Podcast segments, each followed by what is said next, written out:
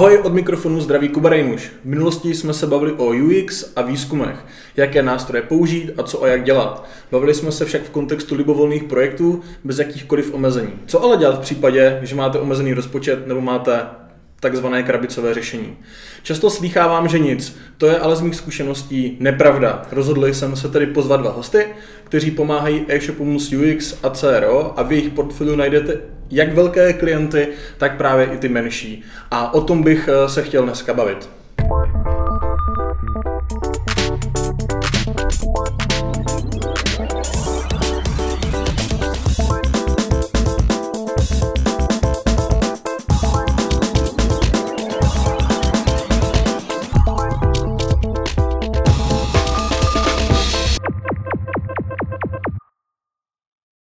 Výjimečně si dovolím ještě menší vsuvku. V Pece aktuálně hledáme UX designera, takže pokud by vás pozice UXáka v Pece zajímala, tak nám napište a rádi se s vámi potkáme a probereme náplň práce i to, co by to všechno obnášelo. Takže nebojte se, Pecka je fajn. Teď už ale k mým hostům. Pozval jsem si Marka Čevelíčka z Liquid Design. Marek je CEO a zároveň UX specialista. Kromě vedení firmy pomocí e-shopům a webům stíhá i přednášet na řadě konferencí.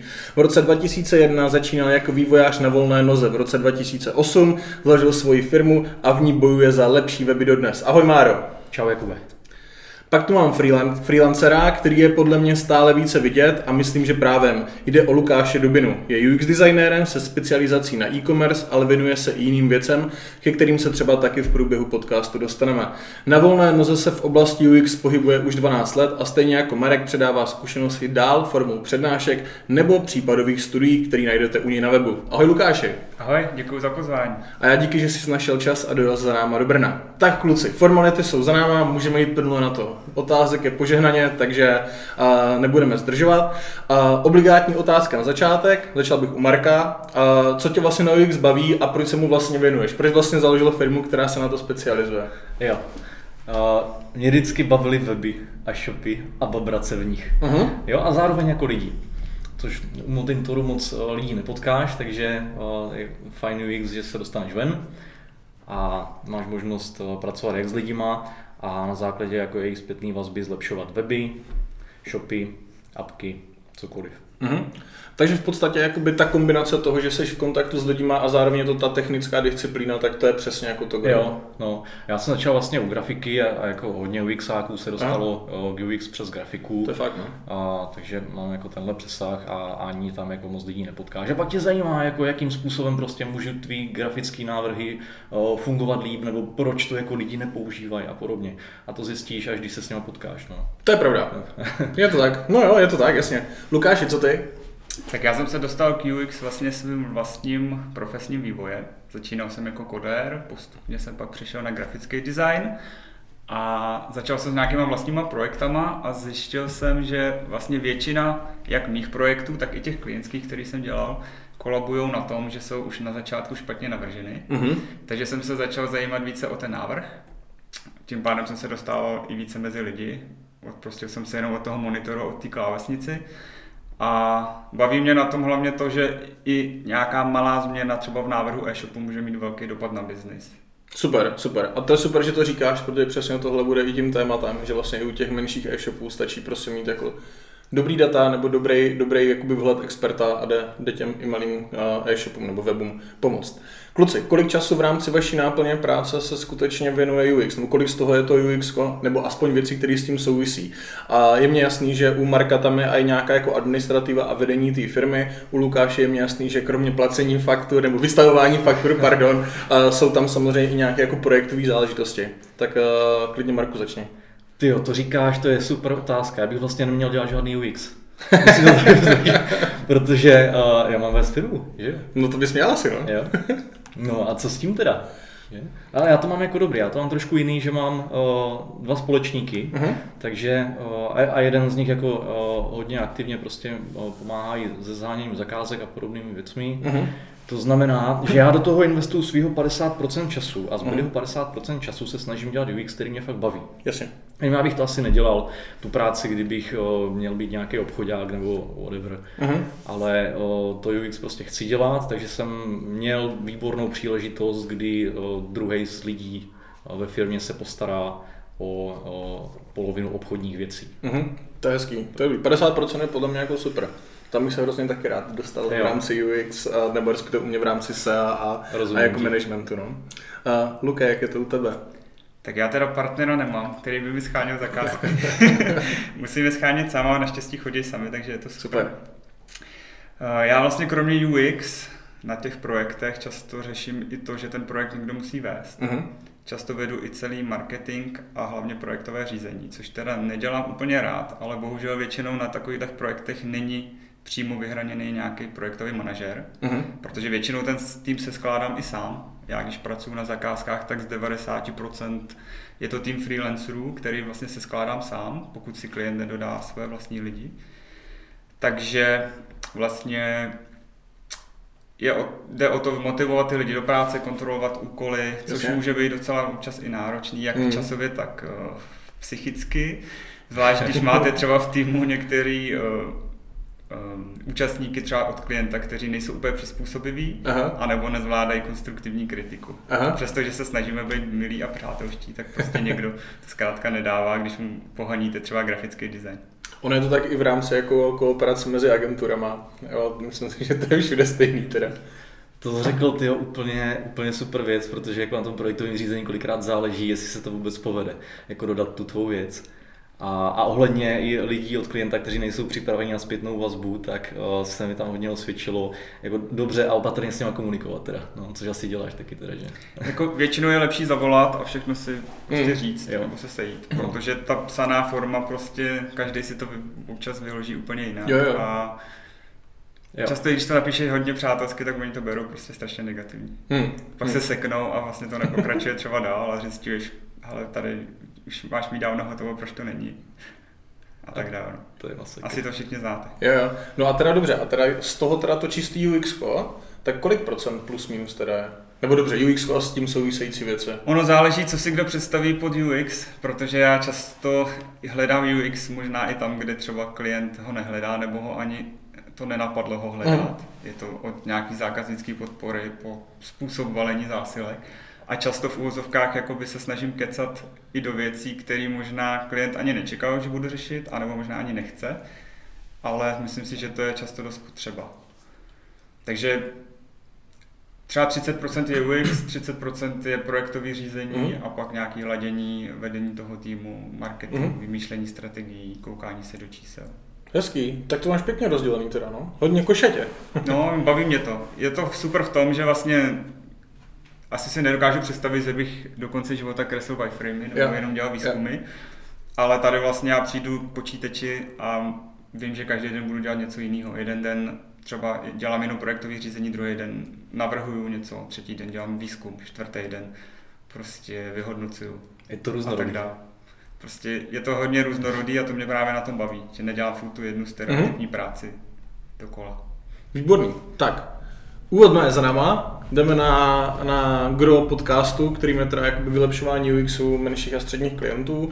A s čím k vám teda ty lidi přichází, ti klienti? Myslím to tak, zdali třeba přijde klient a řekne, máme problém v nákupním procesu a chceme to zlepšit. Tedy nějaký jakoby přesně pojmenovaný problém. A nebo je to naopak, no, tak máme nějaký peníze, co nám zbyly po uzávěrkách z loňského roku. A slyšeli jsme, že UX je teď v kurzu. Co s tím, Marku? Tak Jakube, přesně s tímhle nikdy nepřijdou a nejčastěji, co já se potkávám, tak uh, dojdou, pokud se to jedná malý a střední shop, tak přes grafiku. Aha. Potřebujeme zlepšit grafiku, potřebujeme feedback na grafiku, a nebo uh, uh, no vlastně dodat tu grafiku. Jasně. A pokud uh, už jako narazíš na někoho, kdo je trošku jako edukovaný, tak OK, on ti řekne, hej, mohli bychom si zlepšit trošku nějaký UX, ale vůbec neví, co vlastně poptávají a co budeš dělat. Mm-hmm. Nedochází, nedochází že třeba jako uh, UX, uh, to je user experience, tam potřebuješ usera. Bez usera není UX. Mm-hmm. Takže uh, často jako poptávají od tebe expertní analýzu jako designéra, takže designer's experience. Jasně. Může být. Jo, a no tak to je všechno asi. Jo, super, díky. Lukáši? Já jsem měl na začátku něco podobného, nebo stávalo se mi něco podobného jako Markovi, že mě lidi poptávali na grafiku. A bylo to v době, kdy jsem měl jakoby v názvu web designer. Aha. Takže jsem udělal jako magickou výměnu dvou jako ty předpony a dal jsem tam UX. Takže od té doby, co tam mám UX designer, tak už mi poptávky na grafiku naštěstí jako úplně nechodí. Což je super. Takže a... to, že tam je designer nevadí, jo? jako za mě já bych nejradši byl jenom designer, protože jakoby úplně se necítím jenom jako UX designer, Aha. prostě ten záběr je dost široký, ale Jasne. tak chápu, že tam něco musí být, takže jsem si tam dal UX designer.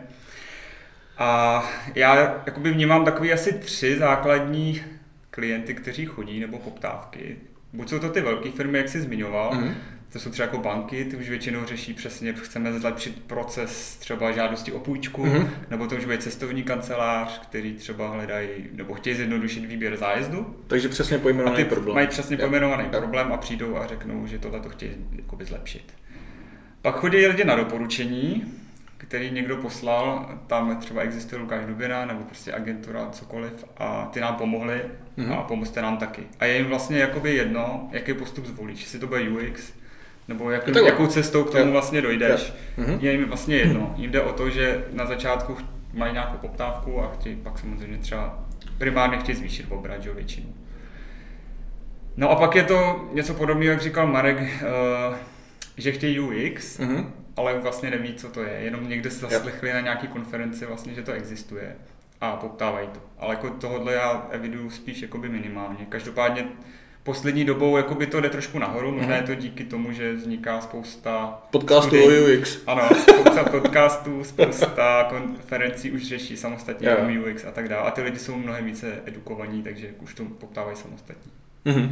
To znamená v podstatě tady na snadě pak jako otázka, uh na Marka, nebo chtěl bych se tam Marka, a jestli se tím pádem teda stává, že jako někdo přijde, řekne, že chce teda to UX, neví teda o co jde a vlastně to skončí úplně něčím jiným, ale třeba i tím, že vlastně jo. jako nakonec se zjistí, že potřebuje, nevím, výkonnostní agenturu a ne jako Aha. design webu. No, tak to je vlastně celkem pravidlo, nebo uh, mě docela pomáhá, nebo to je vlastně nutný. Ty si musíš ohnout toho klienta a nasměrovat do co vlastně potřebuje. Jasně. Jo? Já to dělám tak, že se jich hodně ptám na začátku, co očekávají za ten výstup, co by jim mhm. vlastně pomohlo, kde je jejich problém. Uh-huh. Jo? A podle toho se snažím jako navrhnout, co, co na tom jejich shopu provedu.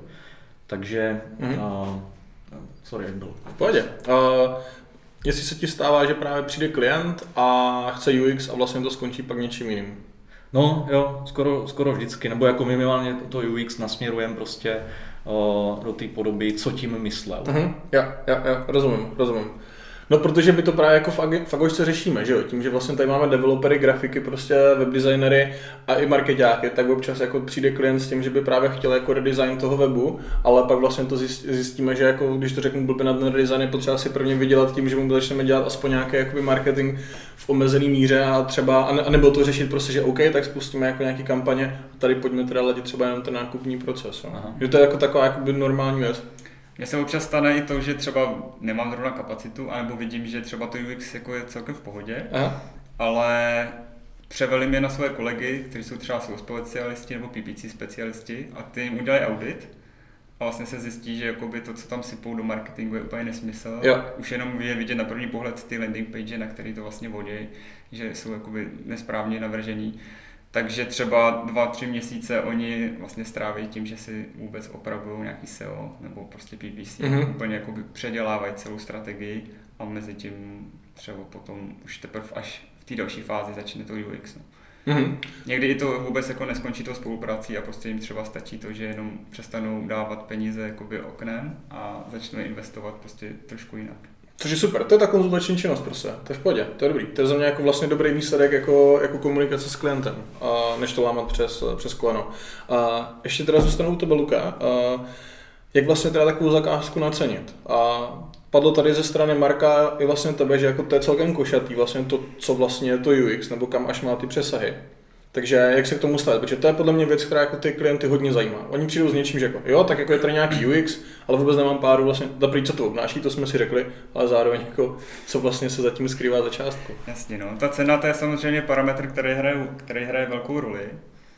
Většina zákazníků to chce znát už na začátku hodně to poptávají i třeba v prvním e-mailu nebo telefonátu, což vlastně nedokážu vůbec říct. Takže mm-hmm. třeba jim naznačím rámcově, jak se to může pohybovat, řeknu nějaké ukázky třeba, co se realizovalo, aby měli vůbec představu. Ale dobrý, potom dobrý. vlastně jakoby už nějaký přesnější odhad a kalkulace, tak k tomu dochází už až po nějaký vstupní analýze. Ale tam může třeba trvat někdy i měsíc, dva, hmm. záleží na tom rozsahu.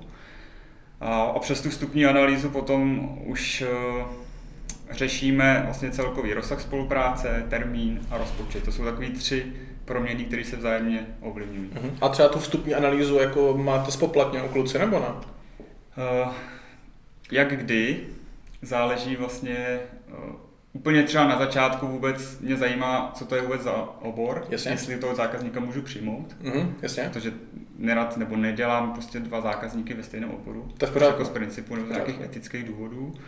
A pokud to není třeba na x dní, tak to mám i zdarma. Mm-hmm. Prostě. Za mě to je, že jim pošlu vůbec takový vstupní dotazník, Jasně. s kterým stráví třeba dost času, mm-hmm. protože je poměrně dlouhý, tam se tam na různé základní informace, vůbec jakoby cíle podnikání, nabídka, oni si jo. uvědomí aspoň taky třeba, jakoby, co všechno Děláme se to mělo řešit v tom procesu, jestli vědí, jako mají vůbec pozici na trhu, konkurenční výhody, jestli něco měří analyzu, aby vůbec věděli, že si může vůbec začít, anebo stejně budeme tři měsíce čekat, až se aspoň něco naměří a tak dále. Jo. Na, na jakom technickém řešení to běží, jak to jde uhybat, jo, jak to řeší marketing, jestli pracují s obsahem.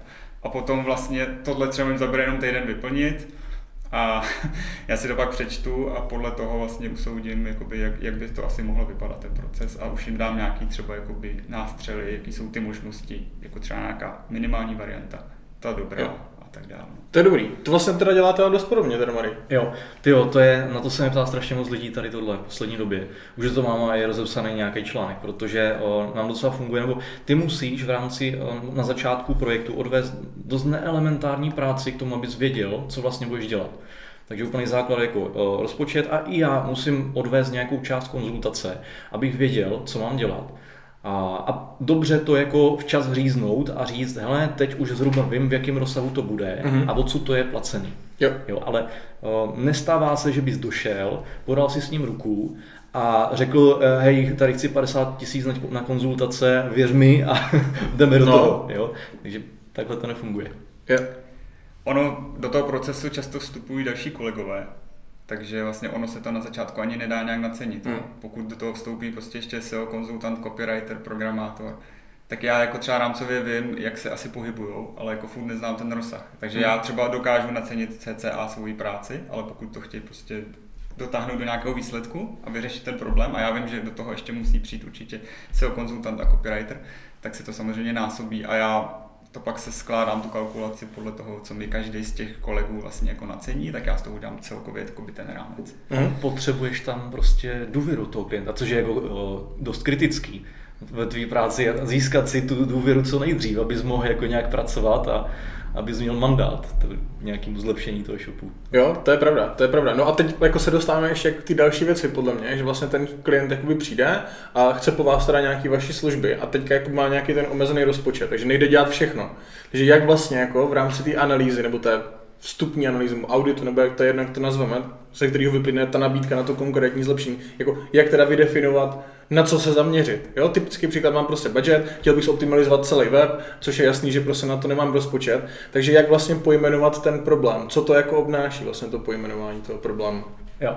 No, tak o, hele, už z principu o, Double Diamondu, tak najít správný problém, který vyřešíš, tak je klíč celé práci. Právě, no. Jo, takže o, i s tím rozsahem práce, který jako my děláme, tak aby jsme našli správný problém, který budeme řešit, tak se v případě třeba těch středních shopů o, pohybuje kolem 30 až 50% celé práce. Mm-hmm.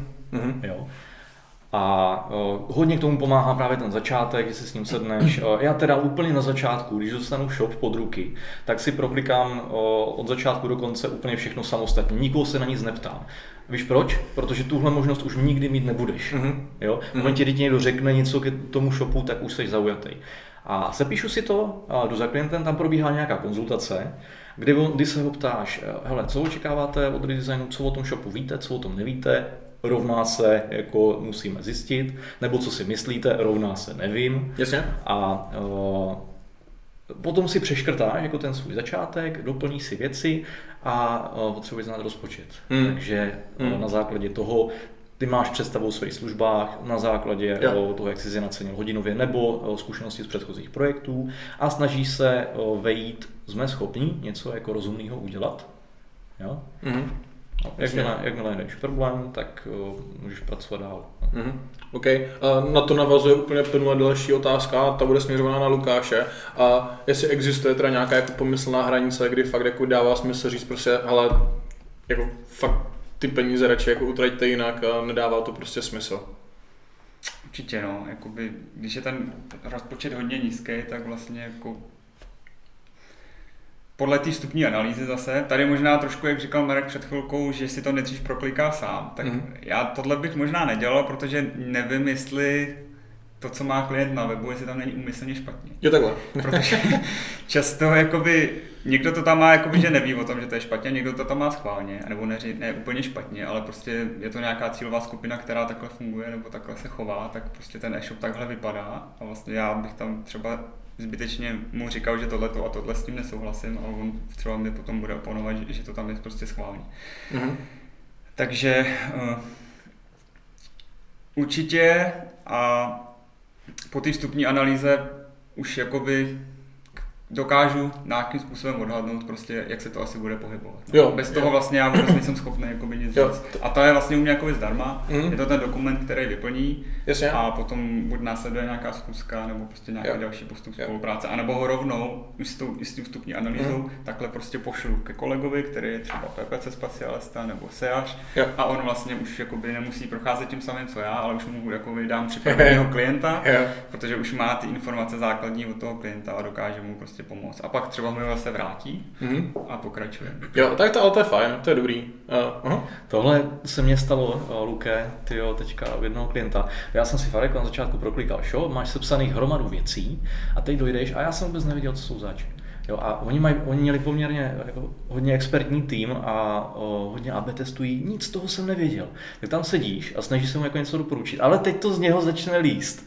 Jako jo, hele Marku, to je super, že to navrhuješ, ale to neuděláme, protože my jsme to AB testovali, nám to vyšlo úplně jinak. A to je v pohodě, jo. Oni to všechno vyklopí na té schůzce, takže ty si jako hodně věcí ze svých proškrtáš. A to jsem odcházel jako s papírem eh, roztrhaným na kusy, protože uh, z něho vypadlo, že jsou fakt strašně senior. No, tak to je třeba jako jeden z těch klientů, který když poptává UX, tak přesně ví, co poptává. Jo? A to je, to je taková jako světlá výjimka. Mm. No a přesto to fungovalo, že, že hm? V tom dotazníku já mám právě položku přímo, jak vyhodnocujete a měříte, ale často je prázdná. Často je prázdná. Ty Takže jako takovýhle klienti jsou super, když Vyplně, samozřejmě něco měří a dodají ti ještě ty podklady. Tak u nich by to bylo založené na, na tady té otázce všechny. Ono taky záleží vlastně, jak ten klient je velký, nebo spíš jakoby, jak se chce zapojit do toho mm. procesu, mm. jak je třeba šikovný, kolik má času na to, protože se taky může stát, že dost věcí si může potom udělat sám. Já totiž Teďka asi poslední dva, tři projekty, co jsem dělal, tak uh, i ten klient jako by měl zájem vstoupit do toho procesu a pomoct. Měl na to i čas a neměl teda dostatečný budget. Takže vlastně po nějakém mentorování a zaučení, tak byl schopný prostě si udělat uživatelské testování. Jsme udělali třeba jedno kolo spolu, on se na to podíval, zjistil prostě, na co se může ptát, nemá, jo, aby nedával návodné otázky, jak, jak, to vyhodnocoval. Vlastně si udělal uživatelské testování hmm. prostě s deseti lidma, což ode mě by bylo poměrně drahé. Hmm a jakoby ty výsledky byly celkem slušný a ušetřil prostě spoustu peněz. A takhle vlastně se to dá taky řešit, že to nemusíme vlastně dělat my, ale spoustu věcí si dokáže udělat ten klient, ale jakoby z mých zkušeností spíš on na to teda nemá čas, ani se tím nechce zabývat. Ale někteří klienti prostě objíždějí všechny konference, jsou šikovní jo, a prostě jo, jo. jakoby vědí, o čem, jakoby, o co se jedná a jsou schopní si to dodat i sami právě. Jo, já teďka řeším jednu poptávku prostě na klienta, úplně odbočím k SEO mm-hmm. a úplně jako mě překvapuje v dobrém slova smyslu, že ten člověk jakoby je erudovaný, že vlastně jako on nechce dělat to SEO in-house, chce na to mít prostě agošku, ale jako vlastně ví, o čem se s ním bavím. A to je úžasný, když ty mu pošleš ten dotazník a přesně jak ty říkáš, jsou tam ty KPIčka, prostě, co dělali v historii, jakoby na koho se případně odkázat a tak, to je boží. To je z pohledu dlouhodobého jako provozu toho shopu mu se vyplatí trošku, aspoň se orientovat tady v tom. Určitě ano. Že jako dokáže zhodnotit, jestli někdo neudělal nějaký brutální průser. A jako uživatelský testování, i úplně debilní uživatelský testování ti vždycky něco přinese. Hmm. A navíc ještě super, když ho to začne bavit. Jo? to Tam doporučuji vždycky, aby to nahrával, protože třeba se může stát, že přehlídne něco, co zrovna jakoby z pohledu UX může být jako zásadní a jemu to třeba jako nedošlo. Ale jako většinou ten výstup nebývá jako špatný na to, že prostě si to dělal sám, tak je to jedna z, z možností. To je fajn hack, to je fajn hack. Ještě teda na začátku, co se jako občas může stát a tím pádem nemá třeba cenu řešit to UX jako takový, no, no, no, nebo se záleží, co si kdo představuje pod UX, jo. ale jakoby pokud třeba už na začátku vidíme, že to technické řešení, na kterém běží ten projekt, mm-hmm. jakoby se nedá nějak upravit, tak to vlastně může celý jakoby skončit, jo, protože většinou tam je nějaký technologický dluh, eh, není to vůbec jako možný nějakým způsobem editovat to zařízení, nebo, nebo ten, eh, ten e-shop, nebo ten web, podle toho, o co se jedná, nebo ten developer už třeba jakoby to nevyvíjí dále. A často taky ty hmm. procesy v té administraci tak zatěžují toho klienta, že prostě to zabírá strašně moc času. A já vím, že i jakoby na první pohled je něco špatně, nebo by něco vylezlo z toho uživatelského testování nebo nějakého výzkumu. Stejně bychom to nedokázali zapracovat, takže první otázka třeba na začátek může být, je možný změnit technické řešení, mm. nebo jak moc je pružný váš developer, jak jste s ním vůbec spokojený, aby jsme vůbec vlastně věděli, jestli jsme schopni to, co, co bychom chtěli dělat, vůbec taky zrealizovat. A to je super, to vlastně jako navazuje na otázku, kterou tady mám připravenou. Já teďka přeskočím z dovolení Marka, protože ty jsi to načal. A podstatě mám krabicové řešení. Mm-hmm. Jo, to znamená, a mám vyloženě, přesně jak ty říkal, jako omezený možnosti toho, jak to upravit, co editovat a tak. Je to nějaká šablona, je tam nějaký backend, který je prostě stabilní, je to nějaký, ať už dobře nebo špatně fungující systém. Co vlastně je možný u takového jako šablonového webu, e-shopu, jako editovat, ohýbat? A jde mě jenom o to, aby prostě ten posluchač, který teďka nás poslouchá a má něco takového, aby jakoby si dokázal říct, jo, tak má smysl pro mě UX, nebo hele, tohle je fakt pasé. Jasně. Záleží asi, jaký krabicový řešení to je, mm. protože těch krabicových řešení je taky poměrně dost na internetu. Pak další samotná kapitola sama o sobě jsou nějaký open source systémy typu PrestaShop, mm. Zencard a podobně. Jasně. Ale když se třeba zaměřím na ty nejpoužívanější krabicové řešení u nás tady v ČR, což je ShopTet a Shop Rychle, tak vlastně ty možnosti jsou celkem podobné. Co se týká o, o frontendu, tak samozřejmě nějakou vlastní implementací CSS a JavaScriptu to dokážeme celkem dost ohnout. Mm-hmm. U toho backendu samozřejmě už to není tak jednoduchý, ale zase existuje napojení na nějaký třetí strany. ShopTet má otevření API, takže se tam dá vlastně jakoby cokoliv napojit a rozšířit tu funkčnost toho e-shopu. A co třeba, co třeba uh, jakoby, jak moc uh, musíš jakoby přizpůsobovat ty tu svoji práci vlastně tomu, když má někdo tu krabici, přesně takovouhle. Jako. Pokud jakoby to třeba běží na těch krabicích, co já znám, nebo mm-hmm. jsem s nimi zvyklý pracovat, nebo už jsem je ohýbal, tak to samozřejmě je mnohem jednodušší, levnější a rychlejší a mm-hmm. už dokážu prostě předem jakoby říct, jak moc to půjde ohnout a jestli tohle to řešení je správné, jestli u něj zůstaneme a jestli prostě jo. to dokážeme. A pak je teda dotaz na snadě, jak vlastně ty k těm informacím jako přijdeš, co ještě jakoby lze ohnout a co ne. To znamená, jako normálně se díváš do dokumentací, nebo, nebo to řešíš no, přímo tyhle jako... Ty, tyhle ty vlastně krabicové řešení většinou nějakou dokumentaci nemají, že jo.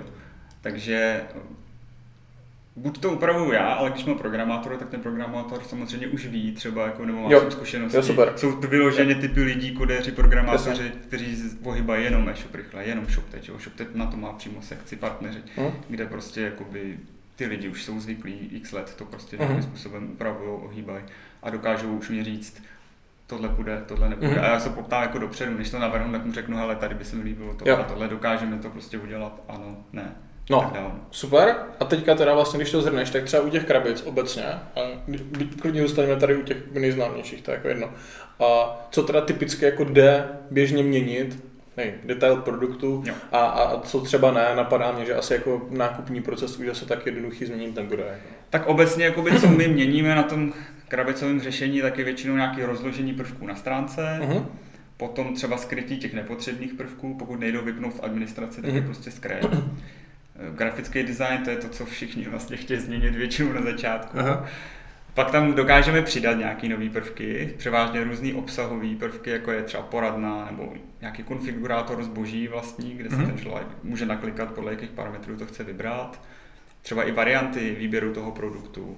U nákupního košíku taky se dají měnit konkrétní věci, mm-hmm. třeba upravovat ty konverzní cesty, nebo se zase dají skrývat nějaký přebytečný prvky, které tam jakoby jsou. Mara se hlásí, jenom tady byla hluboká Ty, pomlka. My jsme měli teďka uh, přesně jednu, jednu z věcí, jsme uh, dělali návrh shopu, uh, který bude na ShopTetu. A potom jako klient si našel kodera, který říkal, hele, já tam změním úplně všechno Mm-hmm. Protože já jsem tu šablonu vyvíjel, já jsem ani pracoval, nevím, kdo to byl, jo, ale, jo, jo. takže reklamu neudělám ale o, fakt jako i v checkoutu o, šly zázraky. A je dost jako ale důležitý říct si tady v tomhle případě, jestli do toho chce žít, protože o, čím víc úprav tam uděláš, tím podrobnější zadání potřebuješ. Dokonce i on musel spoustu věcí pro něj dodělávat, uh-huh. jo? protože není to na první pohled jasný a zásadně se ti to může prodražit. Uh-huh. Takže uh-huh. já doporučuji včas to jako říznout jo. a zbytečně nenatahovat. Uh-huh pozor taky na to vlastně, že často se dá upravit spousta věcí, ale hmm. pak to dost pomaluje načítání. Jo. To jsem chtěl, pokud, jo, to jsem pokud říct, tam no. někdo prostě jako v uvozovkách naprasí prostě JavaScripty, nějakým způsobem no. to ani jakoby neskomprimuje, a tak to samozřejmě jako bude vypadat hezky, ale nebude se to tak rychle načítat. A jako a to je špatně, řešíme to hodně a hodně, mm. řešíme to často, jo? Že, že občas se rozhodneme, že tuhle úpravu prostě dělat nebudeme, mm. protože bude, nebude mít takový přínos jenom z pohledu načítání. Jo. A prostě se bez toho obejdeme. A to je super, že tohle řešíte. To je, to je podle mě jakoby důležitý a my tomu taky věnujeme hrozně moc jakoby času a, a, a peněz do analytických nástrojů, prostě sledovat vlastně veškeré věci, co, co tam nasadíme, aby, aby nám to nespomalilo web. A fakt to jakoby i, i v rámci jako analytiky se a všech tady těch věcí dáváme jako ne na první místo, ale hodně vysoko. Často i zase, jak jsme říkali na začátku, nějaká menší úprava může mít velký dopady na biznis. Jo. Vy třeba jsem měl klienta, který Eh, podniká v oboru potápěčství mm-hmm. a tam vlastně se musí držet ceny. Mm-hmm. Není jakoby možný, aby jeden e-shop byl levnější někde na Heurece a podobně. Prostě tam je to nějakým způsobem daný a mm-hmm. všichni to takhle drží. Takže jako jsme vymýšleli, jak vymyslet to, že obejdeme ty ceny tak jsme vymysleli, že do detailu produktu na krabici jsme normálně udělali vlastním skriptem to, že se tam vypočítává cena po registraci, která je snížená. Aha. Takže on přímo v detailu produktu vidí, že když se zaregistruje, tak bude mít nižší cenu, je tam rovnou přímo tlačítko registrovat a po zaregistrování vlastně se mu to odečte. A tahle vlastně funkce jako nám násobily jenom po měsíci už jako 300% registrací a obrat e-shopu to samozřejmě taky jako znásobil. Jenom taková, ale prostě jako jenom drobnost. Aha. A to už zase jako je spíš jako pohled do biznisu. Tak, to už je biznis. Než jakoby tohle to teď přímo jako třeba nenapadne, pokud si toho klienta nevyspovídáš právě, jak funguje vůbec ten obor, v kterém podniká. A to je přesně jakoby důležitý, právě proto jsou ty dotazníky na místě. Jo, jakoby, uh, mě vždycky prostě překvapuje, a teďka zase odbočím nejenom v UX, ale týká se to i jakoby frontendových úprav a všeho, že vlastně jako třeba se setkávám s klientama, že jim někdo něco nějak dělal, ať už jsou to kampaně nebo prostě nějaké jako úpravy toho webu, ale bez jakýhokoliv vhledu. Jo? Když se pak zeptáš vlastně, a proč to tady upravovali teda takhle? No to nám doporučil, prostě tak my jsme to jako udělali. Jako. Nám to je hrozný. To jako. Nám se to zdá lepší. No a to je přesně, a teďka zase odbočím úplně, dostanu se k Markovi od Lukáše, protože vlastně to úplně přesně navazuje na ten můj dotaz, který se týká ne e-shopu a krabicového řešení, ale webu. WordPressových prostě záležitostí, typické prostě nějaká jakoby eh, šablona toho webu, prostě, která je daná a je to klasická firmní vizitka, takže jsou tam nějaký jako nevím, kontakty, nějaký reference, nějaký portfolio a tak. Takže na první pohled jako tam v uvozovkách není za tolik věcí na optimalizaci, ale i tak se setkáváme s tím, že právě přijde klient a vlastně vůbec neví, proč to tak má, protože nějaký jakoby kodér mu tu šablonu, která je jakoby WordPressová, jako nějak ohl no. a protože mu to prostě přišlo dobrý, nebo prostě se jo. mu to líbilo, jako, ale není tam nic jako zatím.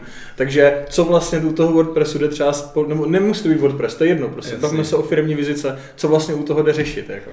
Ty jo, pokud tam vyloženě něco neposral, jakože tam je trilion karuselů a fotky v paralaxu a kdo ví co, tak tam nemáš co zlepšovat. Ty mm-hmm. jednoduchý weby jsou prostě jednoduchý, tam moc mm-hmm. jako UX nedává smysl. Mm-hmm. Co dává smysl, kde to UX použít, tak je v obsahu.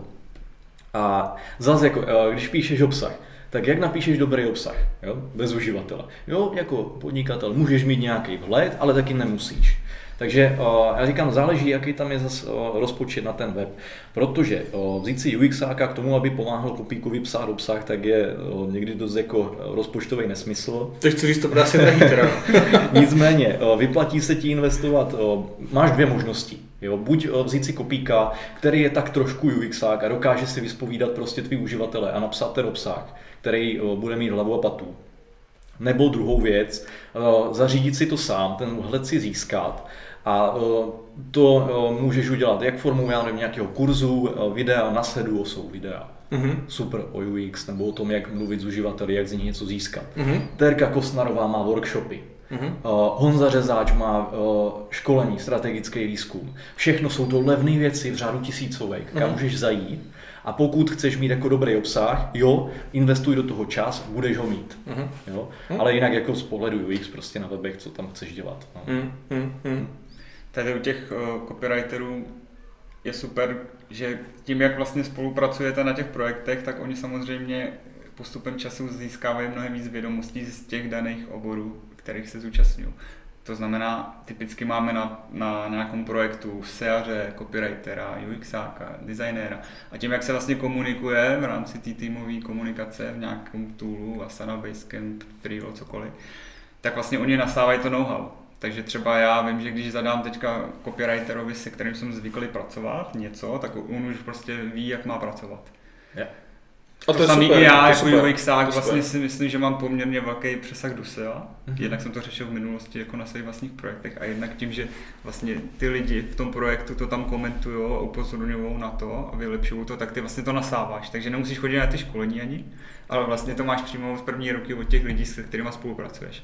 Jo, což je vlastně, uh, jako nevím, že si to úplně jasný, ale uh, jak je ten UX uh, veliký, tak fakt lidi, co se specializují, já nevím, na UX na apky, na e-shopy, na weby, tak mají svůj obor, ve kterém se fakt vyznají a nemusíš jim spoustu věcí vysvětlovat. Jo? Kdybys vzal, já nevím, mě třeba, já jsem nenavrhoval nikdy fyzickou službu.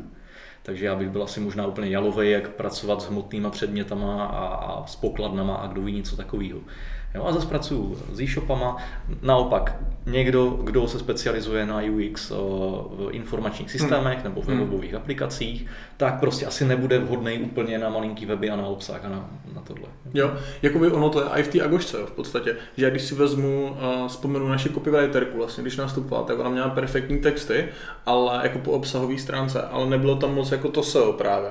A teďka tím, že vlastně na těch projektech, kde řešíme copy, tak fakt skoro ve 100% případů jako řešíme i to SEO, tak najednou už vím, že ona, když dostane zadání jako od té SEO specialistky nebo od sáře jako ode mě, tak už prostě dokáže vytvořit článek, který prakticky jako z pohledu se nemusí už nikdo dál kontrolovat a může jít úplně v pohodě ven. A to je krásná přená hodnota, kterou potom ve finále i tomu klientovi může jako říct, že máš kopíka, který ale prostě tyhle věci zvládá a už nejsou potřeba žádný dodateční hodiny. Jako ta, ta, tento vzájemný učení těch lidí na těch projektech je prostě úžasný. A jako, jak vzpomínal Lukáš, když tam máš prostě k sobě jako další a i třeba jako jiný freelancery, jo, že třeba ty PPCčka, ty sáře a tak, tak to je prostě podle mě úplně super, když vidíš, že ty lidi se vlastně jakoby sami posouvají navzájem. To je paráda. Jako. A s každým projektem to je lepší a lepší. Jako. Což je trošku jiný problém, když jako si takhle v agentuře naučíš a pak ti třeba odejde, ale... No jo, no. Hele, tak ale to už patří prostě k riziku jako a, agency lifeu, no. Je to tak, tak, to no. tak je. Jasný. Fajn. Kluci, pojďme se dostat eh, k analýze. A já jsem měl připravený dotaz vlastně, co o tom klientovi všechno chcete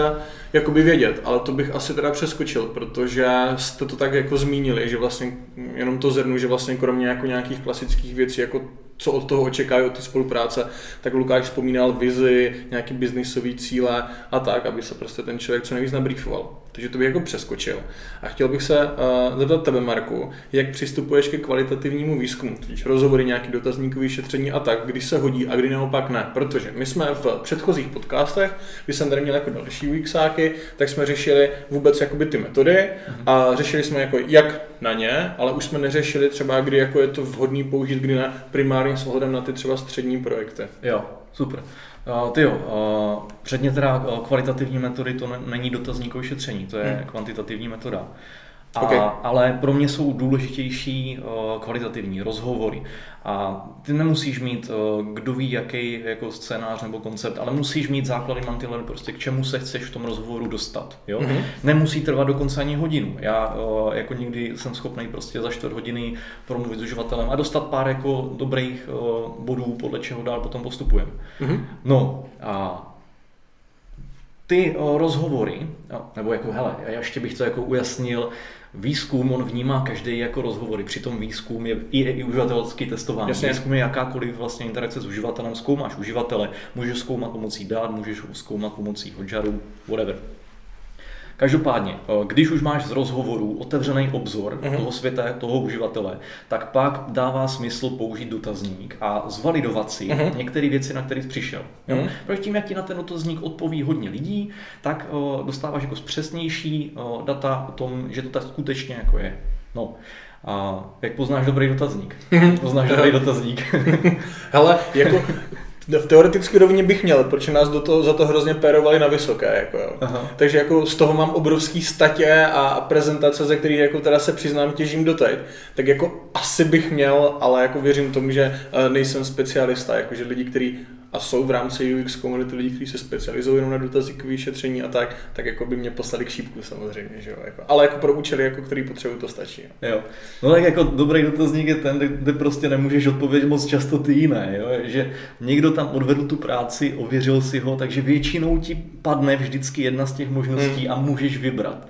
Když to potom dotazník, kde máš jako 16 otázek, pošleš to tisíce lidí a všichni odpoví jiný, Proč děláš ten dotazník? Aby se podíval na čísla a měl jasno. Jo? Takhle prostě nad tím strávíš 18 hodin a nemáš jasno, protože jo. si to musíš přepisovat. Jako to je přesně jakoby eh, jedna z těch takových podle mě základních pouček. A vlastně jakoby, a, a i třeba když nějaký školení nebo tak, nebo konference a sbírá se potom nějaká zpětná vazba, tak přesně s tím se tam hrozně často jako setkávám, že v tom dotazníku je prostě právě jako nějaký jiný názor. A teďka jako představa, že já jsem chudák ten brigádník, který prostě má všechny tady ty dotazníky sebrat, projít, sepsat, prostě dát to do tabulek, vyhodnotit prostě počty volných odpovědí a tak, tak už už mám pupinky za něj. Jako. No, ale zpátky teda k tomu, hmm. uh, k těm rozhovorům, to si myslím, že je prostě jako klíč a hmm. nemusíš to dělat jako honosný hyper super uživatelský výzkum za 100 tisíce, ale stačí si fakt pokecat uh, a kvalifikovaně s pár uh, uživateli a máš otevřený obzor. A to je to já, co, co já potřebuju. Jo? Co vlastně je ten klíč, proč lidi nakupují na tom shopu, nebo jakou řeší tu situaci. To ti stačí, aby se rozhodl kolikrát, co budeš dělat, co zlepšíš. Jo, super, díky, paráda. Lukáši, otázka na snadě, co kvantitativní výzkum? Tak kvantitativní výzkum se trošku liší od toho kvalitativního. Mě teda baví víc ten kvalitativní, kdy můžu být v interakci s těma uživatelem mm-hmm. a bavit se s nima a testovat je reálně na nějakém webu e-shopu. Nicméně i ten kvantitativní je celkem jako dobrý, užitečný. My podle toho dost často i navrhujeme spoustu věcí. Tam možná jakoby jenom zmínit, že se trošku hodí třeba na něco jiného, mm-hmm. než ten kvalitativní, nebo zjistíme s tím trošku něco jiného. U toho uh, kvalitativního si spíše třeba ověříme, jak to máme dělat a u toho kvantitativního si můžeme vlastně ověřit vůbec, jestli by byl zájem o nějakou novou službu, o nějakou úpravu a tak dále, protože nám to odpoví právě větší množství lidí.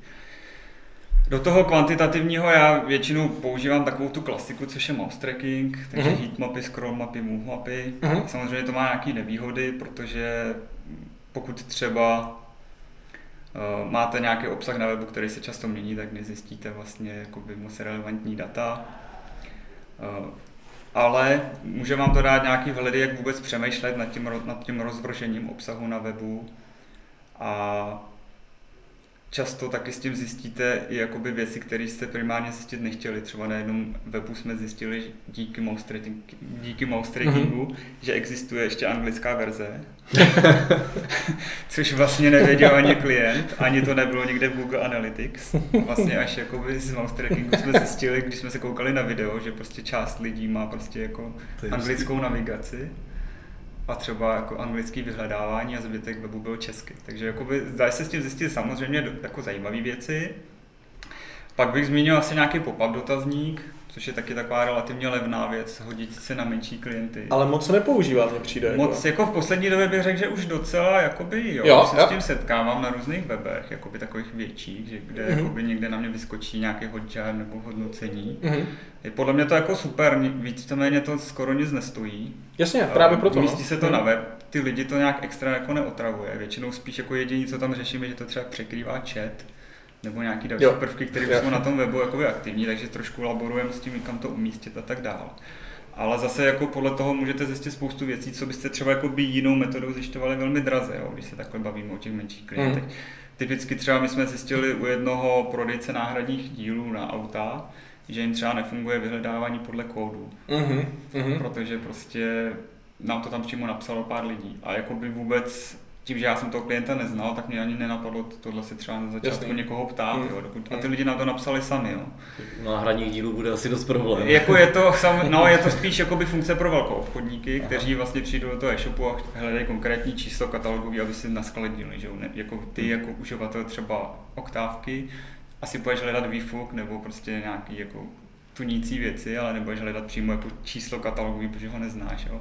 Takže jako tohle právě bychom těžko odhalili.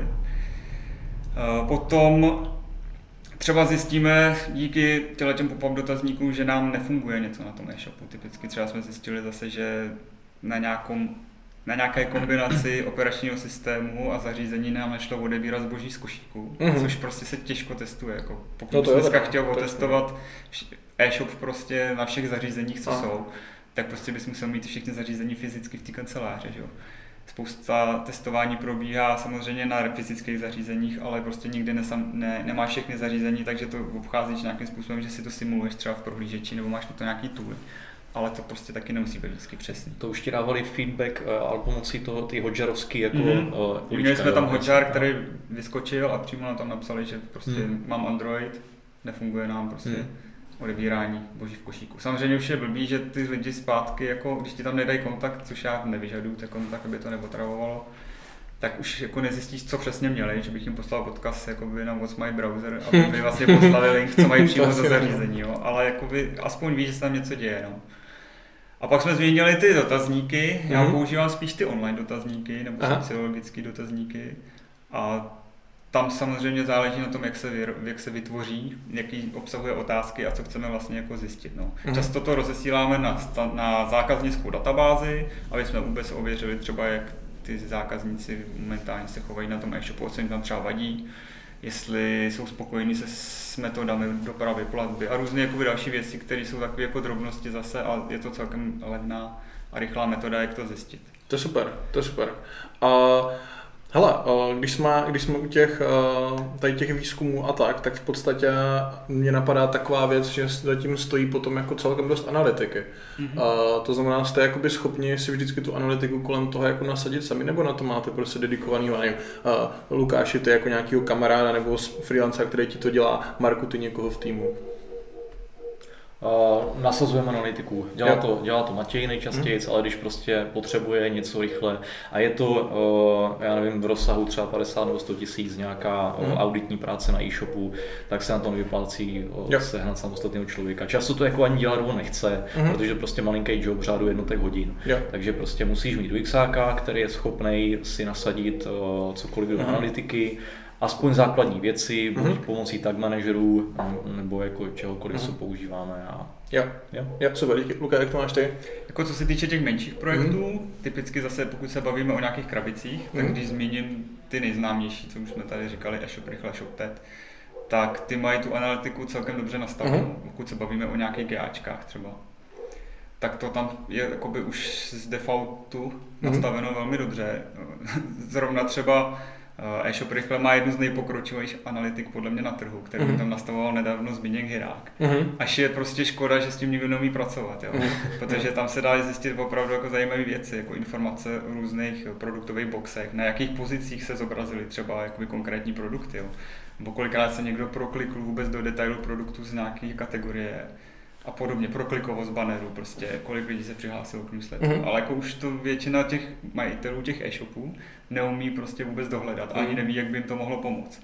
Takže třeba jakoby u těch krabic si myslím, že to je celkem v pohodě. Horší si je to u open source řešení. Uh-huh. Když někdo přijde třeba s nějakým PrestaShopem nebo něco podobného, uh-huh. tak většinou, jako já za sebe jsem ještě neviděl teda e-shop, který by běžel na nějakou open source a měl dobře nastavenou analytiku. Většinou se tam špatně počítá DPH, odesílají se tam za dopravu je potřeba nějaký programátor, který to tam už nastaví, což je dost jako drahá záležitost. Hrozně, známe a... to z praxe, to je úlet, no. A když už jakoby třeba ten e-shop nebo to technické řešení e-shopu to má jako dobře pořešený, tak zase s čím já se setkávám, tak je problém, že jakoby ty GAčky jsou špatně nastavený. Hmm. Že prostě ty data by se do toho posílaly, ale ten samotný Google účet prostě jako nemá zaplay elektronický obchod, nebo prostě chybí, nejsou vyfiltrovaný vlastní návštěvy tak, to vlastně základní věc. Dávání webu, jo, mm, demografický mm, údaje a vlastně jakoby zase musíš čekat třeba si ty data nazbírají. Jo. Co, což je vlastně jakoby v pohodě ve chvíli, kdy jako víš, že zatím nestál nikdy nějaký marketák nebo někdo, kdo by jako to měl nastavit, že, že ve chvíli prostě, kdy máš klienta, který jako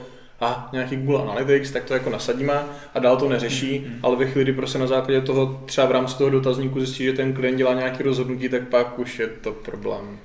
To tak je. Super, kluci, pojďme utíct od celého tady toho balíku otázek a pojďme se dostat k návrhu vůbec těm Warframe a prototypování. A zůstanu ještě chvilku u Lukáše. A většiné téma k diskuzi. Tvořit Warframey nebo dělat funkční prototyp? Jaký jsou podle tebe pro a proti? Případně co kdy zvolit? Mm-hmm.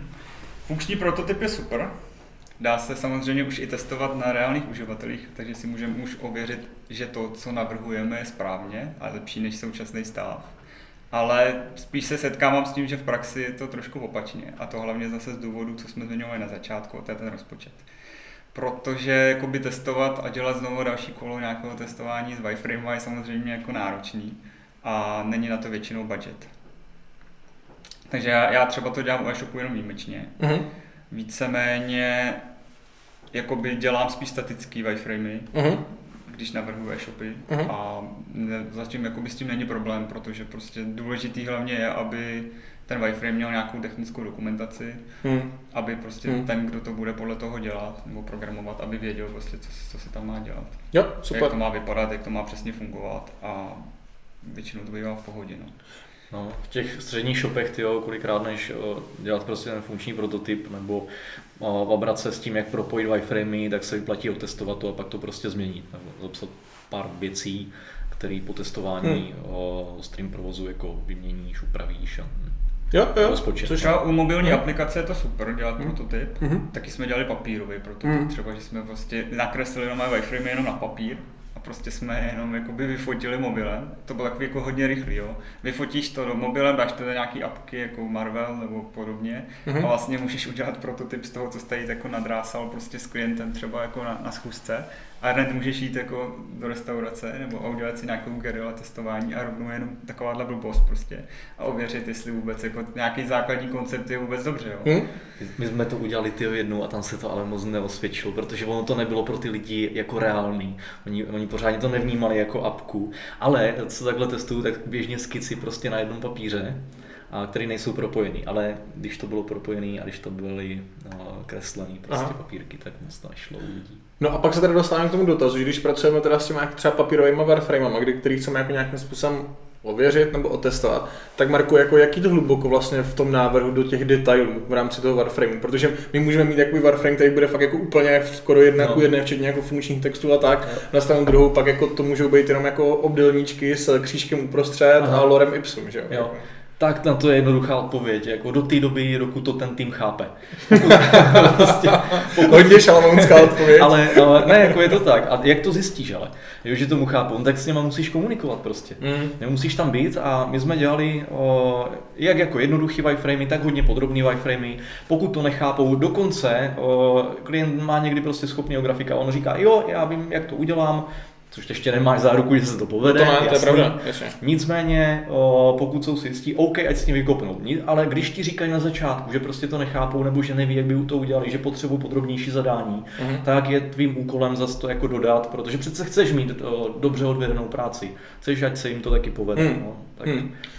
No jo, a zase úplně super se nahrál na další otázku, kterou přehraju na Lukáše, jak teda potom ten schvalovací proces těch Warframeů s tím klientem jako vypadá. Protože zase bavíme se o tom, že už je to nějaký jako vizuální výstup, který jako klient může jako tisíckrát vracet, může to generovat miliardu nákladů a tak. A pak jako jsem se dokonce setkal s tím, že jsme měli jednoho klienta, a to už teda hodně dávno, a kdy jakoby se dodali Warframey a potom byl jakoby finálně jako návrh toho webu, teda už jako na nějakým frontendu hezky udělaný udělaný a ten klient třeba pak řešil to, že vlastně v tom Warframeu byla linea, která ohraničuje v kategorii výpis produktů, prostě, že každý ten náhled toho produktu má nějaký ohraničení, takže ta čára není tak tlustá v tom ohraničení, jak byla jakoby v tom Warframeu. A to jsou věci, kterým jako nedokážete úplně předejít, ale zkus to teda Lukáš nějak prosím zhrnout. Tak já naštěstí jakoby s tímhle už se moc nesetkávám, že mm-hmm. bych někomu ukázal wireframey, jakoby klientovi, když se bavím o klientovi, mm-hmm. a on mi řekl, tohle se mi nelíbí, mm-hmm. protože to je černobílý a takhle bude vypadat náš nový e-shop. A naštěstí jakoby už ty lidi chápou, že to je prostě návrh a já jim to vždycky jako samozřejmě předtím nějakým způsobem vysvětlím, proč to vzniká a k čemu to bude sloužit a že to je prostě jenom jakoby ještě před tím, než vznikne nějaký grafický návrh a že se bavíme o tom, jak to bude vypadat z pohledu toho rozložení uh-huh. a, a hlavně z pohledu obsahu a vlastně nad tím potom vznikají nějaké diskuze. Takže za mě jakoby hodně důležitý, abych to byl právě ten obsah. Samozřejmě nemůžeme asi vždycky otextovat všechno, pokud je tam nějaká sekce o nás a podobně, blogové články a tak, tak tam samozřejmě jakoby nějaký logarem ipsum třeba dáváme. Uh-huh ale jakoby to gro, to znamená všechny možné tlačítka, konverzní prvky, prostě důležitý boxy, prostě častý dotazy a takové mm-hmm. věci, co jsou prostě už jako navržení z nějakého výzkumu, tak je potřeba, aby byly prostě finální ideálně. Protože já to pak třeba nahraju do InVisionu nebo do nějaké další aplikace, pošlu odkaz klientovi, všem těm členům týmu, co jsou vlastně na tom projektu. Jasně. A pak nad tím vzniká nějaká diskuze. Mm-hmm. Tím, jak se můžou všechny prvky komentovat, tak to prostě většinou právě dojde třeba i do stádia, že se ne všechno jako nějak extra mění, nebo ne zásadně, ale dost ten, dost ten obsah právě hraje roli, že nad tím je nějaká diskuze a copywriter vlastně upraví třeba ty moje návrhy do nějaké mnohem lepší formy, mm-hmm. kterou už pak můžeme předat tomu grafikovi, který s tím pracuje. Mm-hmm. No, super, vy se tak hezky doplňujete, kluci, to je boží úplně. Já tady mám připravený dotaz jako na Marka, vlastně, že když už mám ten grafický návrh, tak teda jakoby, jak uh, vytvořit tu grafiku tak, aby teda tomu klientovi jako se líbila. To znamená, aby ten klient to hnedka nesměl ze stolu, že prostě ne všechno špatně, jdeme od nuly, jako. Jo, zase ta grafika, no. No jo, je to tak. No. Ne, že by na tom záleželo, ale když už teda jako vybrat grafik, aby se to líbilo, tak uh, co uh, nám se vždycky osvědčilo, tak je pracovat s moodboardem, což Aha. je jako nástěnka čehokoliv, co se klientovi líbí. Jestli tyhle barvy nebo pastelové barvy, jestli kulatý tlačítka nebo hranatý tlačítka, mm-hmm. jestli stíny, jak velký stíny, vyfotit i z konkurenčních e-shopů, co se mu tam líbí, co se nelíbí a je na zkušenostech toho grafika, což jako říkám zase, čím zkušenější tím asi líp tě pochopí a líp se Jasně. nasměruješ, Jasně. ale je na jeho zkušenostech, aby si ten moodboard co možná nejlíp vymezil a tím si zužuje prostor na chyby. Mm-hmm. Takže pravděpodobně ti nedodá něco, co se úplně nebude líbit.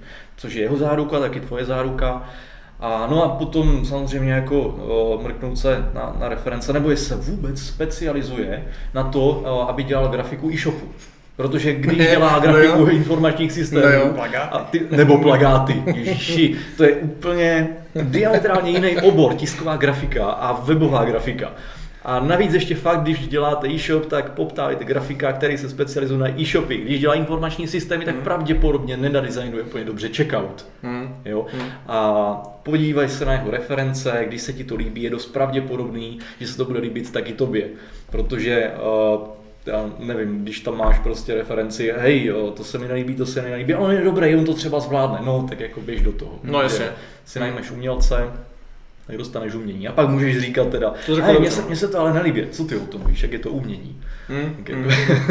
My jsme takhle jednou narazili, když jsme uh, bývalý práce eh, měli kancly na fakultě informatiky Masarykovy univerzity a tam je vlastně jako katedra jako designu. A my jsme si říkali, že by bylo hrozně fajn jako zapojit ty studenty třeba do návrhu právě bannerů a tak, aby tam měli jako nějaký portfolio, až vlezou z té školy a tak a prostě má placená jakoby brigoška jsou v jednom baráku, co může být jako jednoduššího. A teď jsme jako reálně přišli prostě do těch kanceláří nebo do těch, do těch kabinetů a zjistili jsme, že jako sice jako grafický design, jo, ale teda jako, že to je umělecký směr. A to, co potom ti studenti dodávali, to byla velká jízda. Jako. Z toho byla super výstava, jako. ale, ale jako tím, by to, tím to haslo. Jako. A teď je otázka, chceš mít na webu výstavu? No, jo? A to právě. to no. ještě doplnit, jako jsou obory, kde opravdu třeba ti může záležet na tom, že máš dobře zpracovaný vizuálně web, jako třeba já nevím, architekti, protože když si objednáš něco od architekta, tak předpokládá, že se orientuje v grafickém designu a může tvůj web potrhovat tvou důvěryhodnost v tom, že jo, záleží mu na grafice i na webu, pravděpodobně mu bude záležet na grafice i tvýho baráku. Hmm. Jo, takže tam to může mít nějakou roli důvěryhodnosti. Ale z hlediska použitelnosti je tam pár jako zásadních věcí, když vyloženě nepokazíš, tak je to OK. Grafika nehraje zase tak významnou roli, jestli se lidem líbí. Hmm. Hmm, já tady jakoby ohledně grafiky, tak tam trošku občas i boju s některýma grafikama, mm. jak ty jsi zmínil, že hlavně, aby se to líbilo klientovi, to je super. Ale často já právě si prosazuju to, aby se to líbilo té cílové skupině. Mm. My občas i záměrně děláme jakoby ošklivý weby, protože prostě víme, že to takhle má být a má to působit třeba pokud ten e-shop jakoby hraje na cenu, nebo prostě mm-hmm. má takovýhle nějaký reference, má působit, že je malý, prostě někdo to dělá doma na kolení, tak samozřejmě nemůžeme vystřelit nějaký luxusní design. Jasně. Protože by to No. třeba úplně mohlo přestat fungovat. Takže často třeba i to zadání je, chceme to udělat opravdu jakoby lacině, aby to působil ten e-shop. Je to, je to tak, jasně, taky jako třeba jasně. směr. Takže vždycky se jakoby spíš zaměřit na to, jaký jsou zase ty business cíle a Hmm. vůbec pro koho je ten design dělaný. To určitě, tak to tam vždycky musí hrát roli. Tam A- musí to být nějaký kompromis, že jo. Do, do, do, já vím, že to tak platí. Teď jsem to někde v, v nějakém článku, jsem, nebo nějakém článku jsem to dal, sorry, že skáču do řeči, že vlastně je úplně jedno, co se vám líbí. Do školení jedno, že je úplně jedno, co se vám líbí, hlavně, že to je funkční. Jo. Jo, jo. Což je ta super poučka, na stranu druhou teď se vyžívám jako do té funkce nebo do té pozice toho majitele e-shopu, jako abych si tohle ospravedlil. Hrozně těžký prostě. No. No, to vidíš, když potom jako ukazuješ nebo testuješ ten e-shop. Nikdo z těch uživatelů neřekl, že je to hnusný, nebo že by to jako hrálo nějakou roli, oni občas jako něco blemcnou, jo, a je to se jim moc nelíbí, ale používaj to dál. Nikdo to neřeší, prostě objednávají. Oni za tebou jdou ne kvůli tomu, je, to máš pěknou fotku, to je moc pěkný, ale jdou si koupit tvý služby. Jo. no je, je to pravda. No. Tam je potřeba ještě u těch grafiků Hmm. si právě, jak jste už zmiňovali, jakoby definovat vůbec, eh, jak Marek říkal, ten moodboard, to je super. To jako fakt jako šetří hodně času, práce a překvapení nemilých. Eh, Já jakoby třeba nerad úplně spolupracuju s novými grafikami, Mhm, mhm. protože to prodražuje občas projekt. Jak jste už zmínili, jako klient si tam dodá tak, je to- grafika, s kterým spolupracuje 10 let a přece on ho nemůže z tohohle procesu vyšoupnout, když prostě jako, co by No. tomu řekl. Ale přesně zjistí se, že jakoby weby moc nedělá, dělá letáky, nebo vlastně jako třeba dělá úplně jiný témata. A potom mě zabere strašně moc času a hodin, prostě každý jeho výstup okomentovat. Já prostě vím, že když tam mám grafiky, s kterými jsem zvyklý spolupracovat, tak to bude mít drive. Já mu nebudu komentovat to, že tlačítko tady má vypadat jako tlačítko a že prostě má ubrat white space a podobně, že prostě jako jsou tam potom věci, které jakoby můžou prodražit ten projekt. Hm. Další věc je, že některý grafici třeba jakoby i můžou dodat potom výstup, který je pro tebe nepoužitelný. Jo. Hm. Já jsem Z zvyklý, jakého slova smyslu? No, třeba na posledním projektu se nám povedl hodně grafický design, tak je to jako pěkný, ale prostě ten grafik jakoby nebyl zvyklý takhle rychle pracovat, prostě dodávat to takhle rychle, jakoby Mhm. měl ty dodací doby delší, i třeba komunikace v nějakém Mhm. Basecampu prostě byla třeba 3-4 dní standard, což jako pro mě bylo překvapení, jsme to potřebovali zjist, jako spustit docela rychle. A potom vlastně nám dodal výstup vlastně v Corelu. Jo. Aha. Což přineslo, to je samozřejmě jako moje chyba, Mhm. mm-hmm. protože já jako vedoucí projektu jsem si tohle měl ošetřit na začátku. Proto teďka už prostě já, když s někým se bavím, s nějakým novým grafikem, tak se ho musím proklepnout ze všech stran. No, A byla to moje chyba, protože jsem si nezjistil, jak dodá výstupy. On je dodal v Corelu, takže Coder nedokázal vůbec z návrhu Hmm. vykopírovat uh, žádný texty, takže všechno se muselo prostě při kódování přepisovat, což jako stížilo práci i toho Coderovi. Když teďka třeba jako děláme nějaký další marketingové akce, který třeba už já jako bývalý grafik většinou realizuju těm klientům, mm-hmm. protože než jakoby oslovovat ty grafiky původní, třeba který nemají zrovna čas a my Jo. potřebujeme prostě vystřelit zítra, tak já prostě jsem zvyklý, že si stáhnu PSD, že jo, a prostě dokážu to udělat. Rozumím. Ale jako s Corelem bohužel nic jako neudělám, jo. A jako instalovat si ho a učit se v něm fakt nechci. No to má. Takže- to je jasný. To je jasný. Uh, jakoby, jo, zase. Corel podle mě není úplně jako vhodný jako na webovou grafiku, jsou tady prostě jako modernější nástroje, vys prostě Photoshop, Sketch, jo, Figma, něco všechno, ale zase za, na začátku si definovat to, prostě, jak vůbec bude vypadat ten výstup, aby to prostě nedopadlo takhle. My Hm. jsme, my jsme tyho s Korolem se potkávali snad celých jako nějakých 8 roků ve firmě na začátku a to byl takový ten signál, že, že to začal, to si koupil uh, grafik, protože nechtěl investovat do drahého Photoshopu, si koupil Corel a už to zůstane, jo. Že ti potom dodal všechno v Corelu. Jako to já neberu, on je asi super, jo, ale Jo, jo, jo. Podle mě jako já ho mám trošku za, jako za škatulkovaný, že to je jako protiskový grafiky a webová grafika to mi přijde prostě jako zvláštní, no. Protože už jenom z toho, že z toho principu, že jako spousta lidí s tím prostě nepracuje, jo. A my prostě, když grafik vytvoří PSD, tak my ho máme někde k dispozici všichni. A prostě já mám PPC specialisty, kteří umějí s grafikou, jo. takže oni už Hmm. potřebují rychle vystřelit banner na nějakou akci, tak mi si stáhnou to PSD, udělají si. ho. Udělali jste to. To jsme Jako, tady řešili než právě každou, na každou blbost prostě oslovovat vždycky ty lidi původně, Hmm. co to dělali. Když takhle jakoby nepracují v tom týmu, tak je prostě složitý. Hm. Fajn, pojďme se posunout kluci zase o krok dál. Uh, pojďme se přesunout úplně na uh, závěr vlastně toho, kdy se eh, ten e-shop nebo web spouští. a je potřeba samozřejmě něco zkontrolovat, něco prostě jakoby ještě třeba dodělat s tím klientem a to je vždycky jakoby proces, který chvilku zabere, spouští se, všichni si otvírají šampičko, prostě tleskáme si, ale uh, jako setkali jsme se s tím, že pro menší klienty to v podstatě znamená jako uzavření toho projektu a konečná, což vlastně jako není pravda. A pojďme se chvilku zaměřit na to, a je to otázka na tebe, Luke, a co by mělo vlastně následovat po tom spuštění, bezprostředně úplně, a to znamená v ten den, dejme tomu, kdy to spouštíme. V ten den, kdy v ten den, jasně, úplně přichází den D, spouštíme, tak jako já bych teda možná ještě jakoby zmínil, co by mělo aspoň následovat nebo předcházet tomu dní Klidně pojď. Klidně. A to je vůbec nějaká kontrola, mm. která se často třeba jako nedělá. Vůbec jako zkontrolovat si tu základní funkčnost, jo. Typicky nejčastější chyby. Funguje nám dobře filtrace, mm-hmm. když se někdo přihlásí, funguje ještě všechno ostatní. Jde dokončit objednávka, chodí transakční maily a podobně, jo. jo. Zatahuješ tady do té kontroly i klienta, nebo to bereš na svoje bedra? Určitě no, akorát většinou ten klient to tak jako prolítne a řekne mm. OK. Už se těší na to, Protože to prostě to otevře na tom mobilu u toho oběda, že jo, tam to funguje. Pak to otevře někdo jiný na jednom mobilu, už to bohužel třeba jako nemusí tak fungovat, no. Takže mm. je potřeba zase, aby si každý zkontroloval po sobě tu práci ideálně, jo. jo prostě sejař by měl mít nějaký checklist, kde má kontrolovat všechny URL meta informace, jestli je funkční SSL certifikát, jestli funguje přesměrování, jestli je povolená indexace, jo, což často bývá problém, že se na to zapomene, že jo, to běželo na testu, tak jsme vypli jako indexaci robotů a teď prostě to spustíme a někdo to neodstranil a, a tak dále. No. no hele, třeba jako tím, že vlastně my jsme jako Agoška, která ne všech jako projektů zajišťuje SEO, že třeba jako je tady nějaký redesign e-shopu, kde třeba ta agentura, jako, která se zajišťuje SEO už je, tak mě hrozně jako překvapuje vlastně ta občas teda, jako ta laxnost toho, že když se dělá ten design, tak vlastně ta, ten sář jako do toho ne, že nechce být úplně jako zainteresovaný, to zase bych kecal, ale že jako ten přístup je takový, jako že čeká, co přijde vlastně a čeká na ty povely. Hmm. Že vlastně sám on vlastně z toho svého statutu jako nechce, aby ten projekt byl jako v cajku za, za ten jeho obor v podstatě, nebo PPC, třeba zkontrolovat si jako vstupní stránky a tak. Hm, jako zvláštní. Bro. Já jsem se s tím setkal taky teď, no. Pardon.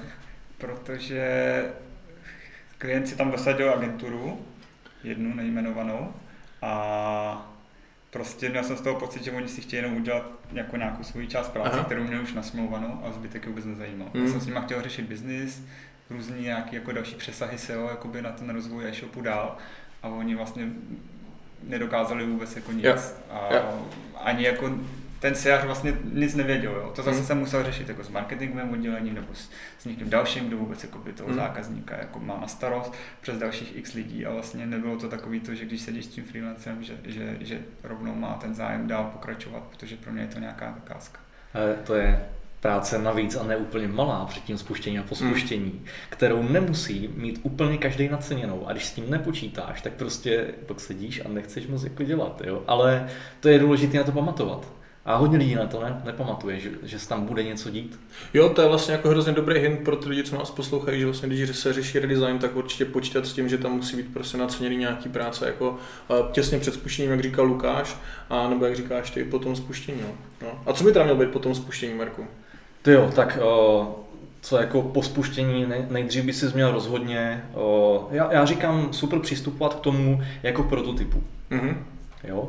Eh, to znamená, hmm. máš něco, co jsi tady ladil celou dobu na stole, možná někdy i s uživateli, někdy ani ne, ale eh, máš teďka prototyp, spustil jsi to a je fajn zjistit, jestli ti lidi to dokážou používat a jestli se ti to jako ověřuje. Takže nastavit si sledování nějakých konkrétních bodů, které by mohly být problematický, jo, měření, kam se lidi dostanou a na co klikají a feedback od uživatelů na to hodně lidí zapomíná prostě získat si nějakým způsobem feedback, uh, protože ono to není komfortní. Ty hmm. redesignuješ e-shop a nikdo nechce změnu. Nikdo nechce změnu. Dokonce ani, ani ty, ani tví lidi to nechcou. A ty ty to spustíš a, a jako dojdou tam nějací lidi, samozřejmě, že na to všichni nadávají, jo. Možná se s tím spokojí, fajn. Tak proto říkám taky dělat lepší malý změny, než redesignovat hmm. celý shop. Ale když už to teda nastane, tak o, si nastavit nějaký teda ten o, sběr toho feedbacku. Hmm a okay. vyfiltrovat samozřejmě hejty na grafiku. ty bývají často, to je pravda. No. Protože ty jsou ti úplně ničemu a vůbec to nepotřebuješ. Pak ještě takový to, že uh, pán nebo paní byli zvyklí prostě ten daný produkt hledat v téhle kategorii a on tam ihle najednou není, že jo. No. Spackaný život prostě totálně. Možná na, na analytiku potom bude mít eh, víc věcí eh, Lukáš, protože tomu já se úplně nevěřím, mm-hmm. to dělá u nás Matěj, takže... Aha. Jo, však v pohodě. No, no to, to, je jedna věc. To jsou vlastně takové ty jako rychlé věci, kdy to spustíš a, a v podstatě eh, je to takový to, musíme to teď hned zkontrolovat. Ten tým tam sedí, testuje to, proklikává to ideálně teda všechny ty obory, a což, jako jak jsme si řekli, ne vždycky je. No a potom je nějaká kontrola s odstupem času. My sbíráme ty informace, a je tam nějaký to-do list prostě toho, co je potřeba udělat, a nebo ještě dotáhnout. Protože jak říkal, ty je to v podstatě furt živý, je to prostě nějaký prototyp, který se dá ladí. Co teda dělat jako jakoby s větším odstupem toho času, no, mělo by ideálně proběhnout. Takže super, jak říkal Marek, mít stanovený nějaký metody na získávání a vyhodnocování od těch uživatelů. To je jako určitě důležitý. A Což měl stanovit ten UXák, předpokládám. To měl stanovit samozřejmě UXák a buď to i zapracovat, anebo na to mít nějakého analytika, který vlastně to připraví. Mm-hmm. Pak bych tam ještě možná zmínil to, což často jakoby vidím, že se na to zapomíná, mít připravenou nějakou strategii a hlavně hmm. budget na to spuštění. Yeah. Hmm. Protože jakoby spustit něco, ne vždycky je žádoucí něco spustit úplně jako potichu. Protože eh, je potřeba promyslet, jak ten launch vůbec bude jakoby vypadat hmm. a jak, kdo všechno se do toho jakoby zapojí. Protože je to zase nějaká forma propagace, která může být velmi jednoduchá a levná a může přinést jako spoustu prostě pozitivní to je pravda. návek, cokoliv, jo, tam cílem toho webu nebo e-shopu. Takže my třeba jakoby to máme tak, že samozřejmě každý, kdo se podílí na tom projektu, tak to někde nazdílí, každý mm. máme nějaký followery a prostě sociální sítě, kde prostě nás někdo sleduje. I ten klient to má prostě, takže eh, tohle se všechno domluví dopředu. Typicky třeba, když spouštíme projekt na nějakom kravicovém řešení, tak zase když tady zmíníme ty dva, e-shop rychle a ShopTet, tak prostě oni dokážou taky pomoct tím spuštěním. Hmm. Prostě teď jsme spustili třeba shop na ShopTetu, takže jsme domluvili to, že i ten ShopTet sám to nazdílí. Prostě. Jo, to je super. Samozřejmě oni mají taky spoustu followerů, můžou to dát do newsletteru, můžou udělat článek, příběh e-shopaře, pokud to je zajímavý projekt. Vlastně toho klienta to nestojí nic a může to mít fakt jako velký impact. Já třeba i jsem dával teďka e-shop do skupiny provozovatele e-shopu Aha. na Facebooku Aha. A jako za prvý jsme se sbírali si pro zpětnou vazbu, některé věci jsme teda třeba věděli, že jsou špatně, ale ještě jsme se k tomu nedostali. Prostě my jsme chtěli pustit takový nějaký, jako, nebo dát do světa spustitelný minimum před Vánocema, protože jsme věděli, že tam ještě něco chybí. Ale nějaké věci třeba nám ještě ty lidi jako připomněli, že tam třeba nejsou. Super.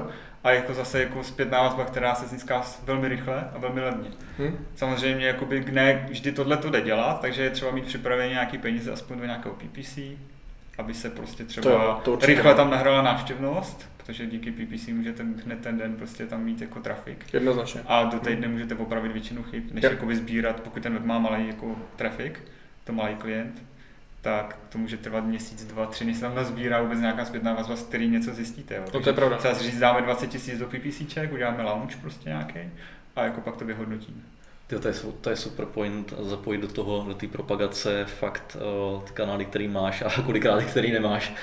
A protože, a zvlášť těch středních shopů, protože nemusí mít úplně extra super rozpočet mm-hmm. na všechno. A, a to je, jo, to je v pohodě. No. Ono často se to i dělá tak, my třeba, když jsme v e-shop rychle uh, dělali nové šablony, mm-hmm. tak jsme chtěli mít grafika, který má prostě followery.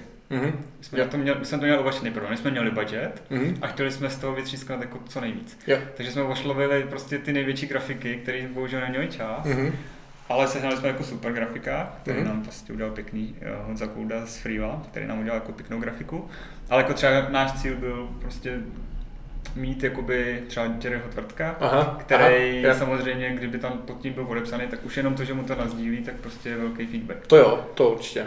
To určitě. Takže tak, dá se na to koukat jako několika pohledy. Jo. Občas hmm. třeba jako ten klient tě může poptat už jenom díky tomu, že to sám pak dokážeš prostě poslat mezi lidi. Jo, pokud, to máš, pokud, máš, pokud jsi marketák a v, tvůj, v tvém oboru se ten produkt prostě jako prodává, v tvý bublině, tak tím, že ty na tom sám pracuješ, tak tě to prostě jako baví a sám to propaguješ vlastně a je to pro toho klienta prostě nějaká jako zpětná vazba Zpět, Jasně, jasně, jasně. A vlastně i přidaná hodnota. Jsi takový ambasador a, tak. a, vlastně ještě jako neplatí tě ani za to, a ty to děláš sám, baví tě to prostě, protože tomu projektu věříš, mhm. líbí se ti a sám ho propaguješ, vlastně ani o to možná nevíš. Hm, to je pravda, no to je pravda. Ale když je to tvoje vizitka, že jo, člověk by si měl stát za tou prací, kterou dělá, prostě tak jako jít s tím ven podle mě úplně, úplně v pořádku. No, Pojďme se posunout úplně do závěrečné pasáže, protože jsme se úplně perfektně zakecali, kluci, a máme už hodinu a čtvrt za sebou. Takže na každého z vás mám poslední otázku, a která se bude týkat nějakých jako příkladů z praxe. Každý, když tak prosím vypíchněte jeden jediný příklad z praxe, nějakého menšího nebo středního webu nebo e-shopu, který byl třeba něčím zajímavý, nebo co se vám třeba podařilo nebo nepodařilo, eh, tak, aby prostě ten posluchač si z toho odnesl, hele, jako tohle bychom třeba mohli vyřešit a vylepšit taky. Marku? Aha. Jo, tak jeden z posledních příkladů eh, byl právě redesign nebo návrh e-shopů, který bude na ShopTetu. Takže my jsme mhm. tam vlastně řešili eh, to, aby, jsme, eh, aby se to dalo levně a rychle udělat na tom ShopTetu. Uh-huh. A řešili jsme, co oni používají za filtry, jak to dobře zobrazit, responsivně, kolik jich tam bude. Uh-huh. Řešili jsme tam kategorie, kolik jich bude, jak udělat meníčko, proces checkoutu, hlavně obsah, jako co tam přidat, co odebrat, protože u těch produktů můžeš mít jako různé atributy, nemusí být jenom fotka, název, cena a skladovost. Jasně. Někdy tam máš záruku zdarma, někdy tam máš garanci, jo, těch věcí, co o, tam dokážeš dodat a dodávají tomu důvěryhodnost, proč by si to ten člověk měl koupit právě u tebe, tak o, může být víc. Mm. Takže u nás, no a to je taky, jo, jako UX, co tam bylo vlastně z UX. Jo, my jsme dělali technickou tvorbu v iframeu mm-hmm. a, mm-hmm. a to UX tam bylo o, takových jako snad 20%. No a, a nakreslíš v iframey a uděláš prostě dobrý zadání. A jako projekt, na který třeba jsem fakt hrdý, tak ten jsem našel v šuplíku. To jsou ty věci, které který už ani nevnímá, že udělal, mm. ale to byl, to byl spíš jako uh, informační systém, který jako drží 10 let a používá yeah. to jako 15 lidí, Aha. je v tom 15 tisíc objednávek na firmu, co dělá jako kuchyňské kamera desky. Mm. A, a používají to 10 let prostě a mm. tady tohle. Jo, tak to je super. No, a furt se to dá dělat jakoby udržitelný nějaký řešení s uh, relativně malým budgetem. No. vlastně tak to vnímám. No, to bylo ještě jako... co jsem nedělal UX, tak potom jo. ale, ale zpátky k teda těm shopům, tak kolikrát to je o tom odvést dobře jako technicky tu práci, mm. aby se to snadno nasadilo. Jo. No a, a když, seš potom, když potom dokážeš dotáhnout uživatele a dodat jim zpětnou vazbu na ten shop, tak to je ta tvoje hodnota, kterou vlastně se třeba od tebe očekává. Super. Tak jo, tak díky. Uh, Lukáši, co za tebe? Nějaký konkrétní příklad? Já bych jako na jeden vsadil možná, že bys vytáhl. A mohla by to být pražírna Coffee Spot od Uherského hradiště. Tohle není product placement, ale prostě je to taková jako záležitost, která se tady diskutovala před podcastem, že vlastně Coffee Spot je taková rodinná firma, která a úplně náhodou se dostala do části brněnské marketingové komunity před mnoha lety u piva, tak třeba pan majitel to uslyší a, a tak nějak v ní zůstala. Takže je to, je to prostě rodinná pražírna, to je to přesně ten jakoby projekt, který je na krabicovém řešení a ty vlastně o tom máš celkem hezkou case study nebo hezkou case study na uh, svých stránkách, tak jestli třeba tohle tam bys mohl vypíchnout něco, čím to bylo zajímavý nebo úspěšný. Jasně, Coffee Spot to je taková srdeční záležitost a takový love brand vlastně jakoby bez toho, aniž by to bylo naším cílem, možná ani cílem těch majitelů e-shopu. Uh, Coffee Spot to jsou neuvěřitelní dříči, kteří vlastně vybudovali skvělou pražírnu kávy a pro mě je třeba ta spolupráce dost atypická a to z několika důvodů. Jo. Třeba už jenom to, že na úplném začátku, kdy mě poptávali asi před dva a půl lety, tak ani nechtěli zvýšit nějak výkon e-shopu, ale mm. chtěli řešit technické problémy. Aha, a mm. těma se nechtěli zabývat. Oni měli jakoby nějakou starou šablonu, která prostě se špatně zobrazovala, byla pomalá a vlastně chtěli to jako opravit. No a když jsem udělal tu stupní analýzu a zjistil jsem, jaký to má potenciál, tak jsem se nejdřív jakoby pustil do té částečné optimalizace, kdy jsme opravili ty základní chyby a navrh jsem, že bychom mohli udělat ten redesign. Ale bylo tam trošku jako problém získat jejich důvěru, mm-hmm. protože tím, jak je to prostě malá rodinná firma, tak oni se bojí samozřejmě se tam pustit kohokoliv zvenčí, aby jim to nějak nenarušil, něco tam ne, ne, nepublikoval, yeah, yeah. co oni si nepřejí yeah. a měli jako dost špatné zkušenosti s předchozími dodavateli. Takže nakonec to dopadlo dobře, skončilo to kompletním redesignem a pokračuje ta spolupráce do dneška. V čem je to dále jakoby specifický je, že oni nemají moc času. Mm-hmm. Oni opravdu mají třeba i na ten e-shop vlastně pár minut, možná mm-hmm. hodin denně, ani ne, spíš minut. Problém takže, rodinný firmy mají. Ano, takže my si jako třeba za celý měsíc vyměníme jako jenom jednotky e-mailů. O pár řádcích a Mhm. ještě vlastně, když já jakoby ani nechci odpovědět od nich, tak jako tam nic jakoby neupravu v tom e-mailu a když Mhm. chci, aby mi na něco odpověděli, tak to vyznačím žlutě a to Jo. jako indikuje co nějaké naše jako pointy, že potřebujeme mi aspoň na tohle odpovědět jo. a jinak jako nechci zatěžovat. Takže funguje tam jakoby nějaká chemie, asi si řeknete, proč teda jakoby nepřiberu personál, nebo proč Hmm. prostě jako já si nedám k sobě žádný kolegy, jo? ale prostě jako měli jsme tam kolegy na různé obory a prostě na chemie úplně nefungovala, takže, takže jsme prostě se rozhodli, že to takhle budeme dělat prostě a všechno budu mít na starost já. A vyběží to teda na krabicovém řešení, uh, e-shop rychle, který jsme nějakým způsobem vohnuli ke svým vlastním jako potřebám a přemýšlíme, jestli to nepostavíme prostě ještě na nějakém Mhm. e-shopu na míru, což Mhm. samozřejmě ten potenciál tam je obrovský, máme spoustu nápadů, ale jako před každou úpravou nebo před každým uh, pokud řešíme nějakou marketingovou kampaň nebo cokoliv, tak prostě vždycky se musíme podívat na to, jestli nás to nezabije časově. Jo. Protože furt to tam dělají ve třech, ve čtyřech lidech a praží až na základě objednávek. Takže není možné si to nějak jako připravit dopředu, zautomatizovat nebo něco outsourcovat.